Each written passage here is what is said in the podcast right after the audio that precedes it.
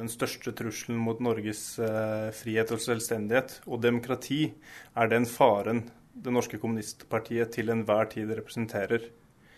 Og det er uhyre skarpe ord fra en mann som har vært brobygger og forsoner.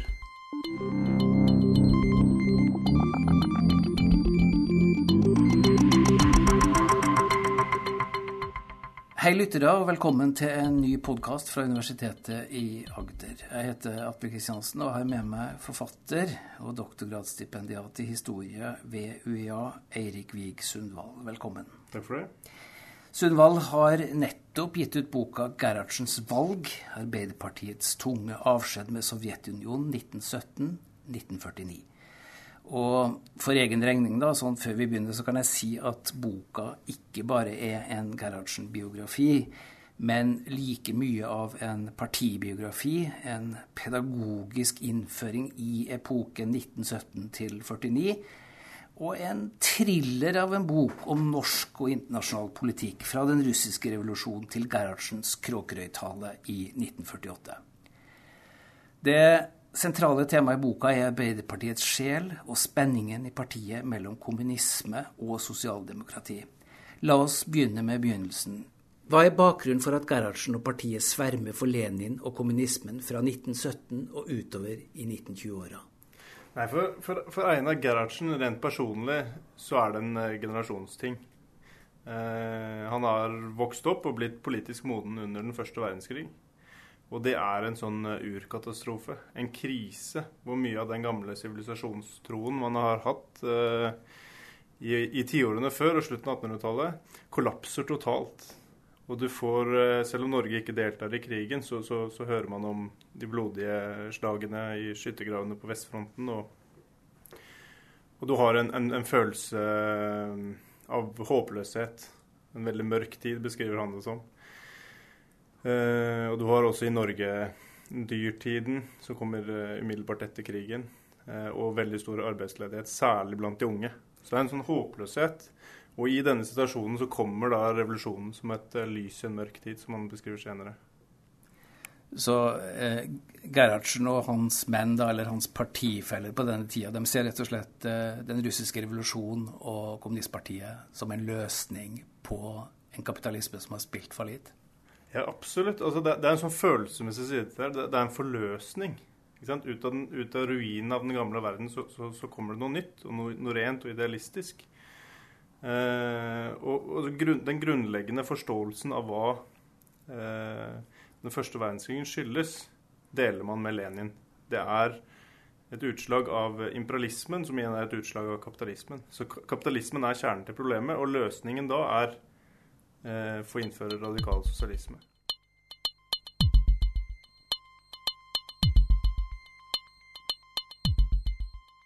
Betyr det også at Gerhardsen eh, ønsker revolusjon og proletariatets diktatur i kongeriket Norge?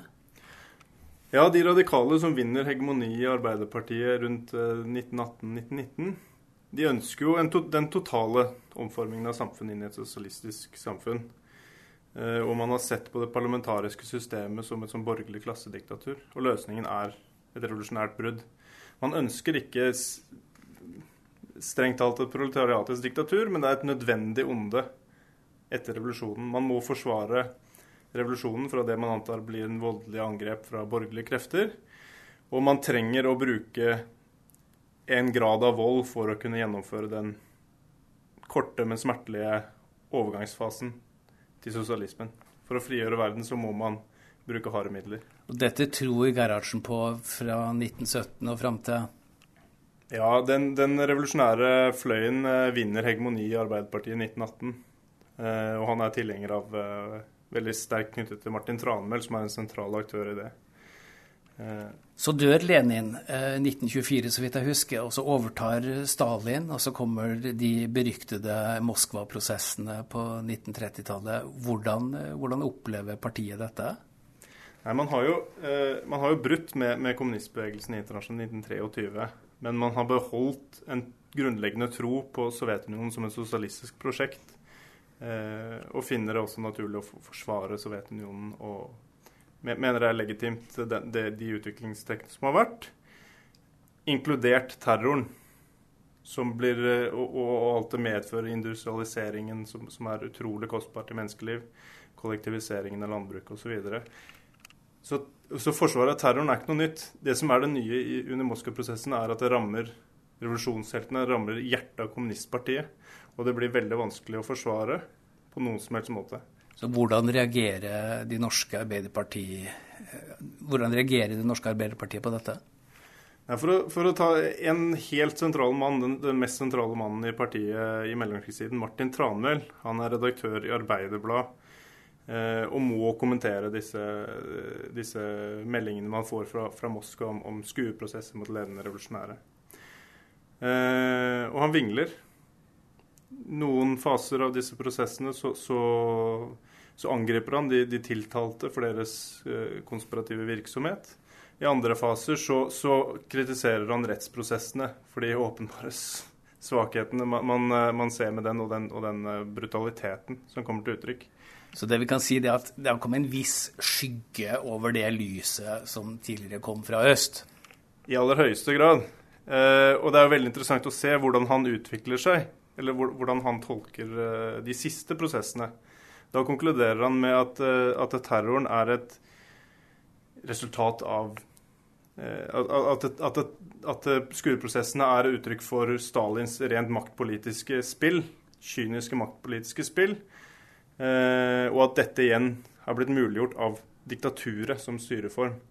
Så da begynner jo da opprøret, oppgjøret med proletariatets diktatur prinsipielt. Er det da Martin Tranmæl kaller sovjetstaten for en totalitær stat? Den ordbruken, som er veldig interessant, den uh, får først feste høsten 1939.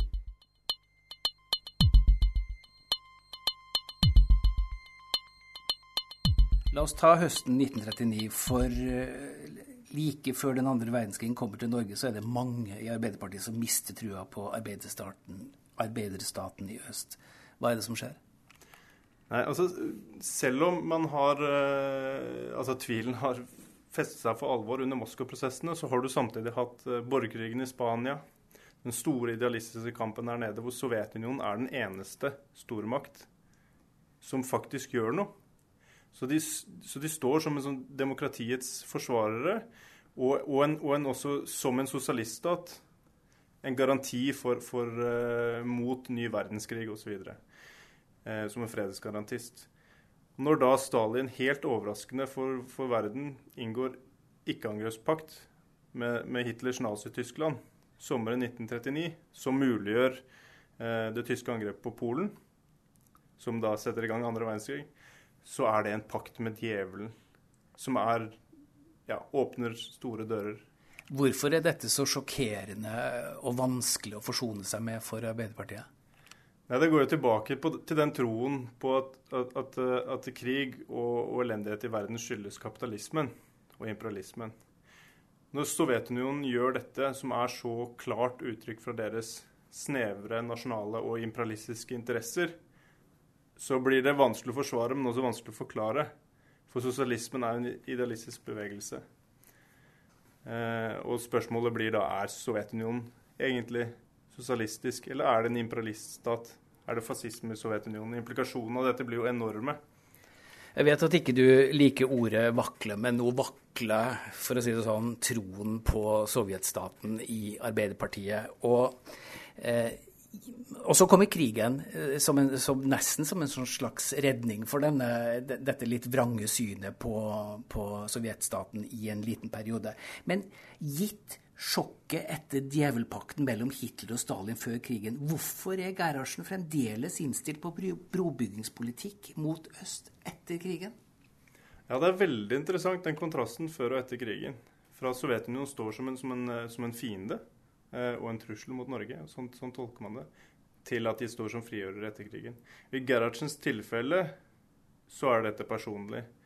Um, du har jo den generelle utviklingen da Sovjetunionen kommer med på alliert side og gjør uh, de virkelig store ofrene. Det er jo millioner av sovjetiske soldater som ble drept. Titalls, mange, mange titalls ganger flere enn de, de vestallierte har tapt. Så det er en anerkjennelse av det. Men så er det også hans erfaringer fra konsentrasjonsleiren Sachsenhausen under krigen, hvor han sitter i flere år sammen med internasjonale og norske kommunister og får utvikler et veldig sånn brorskapsforhold. Personlige erfaringer gjør han til en brobygger eh, sånn rent politisk. Det er hans varemerke. Ja. Det er hans absolutt største styrke som, som eh, politiker.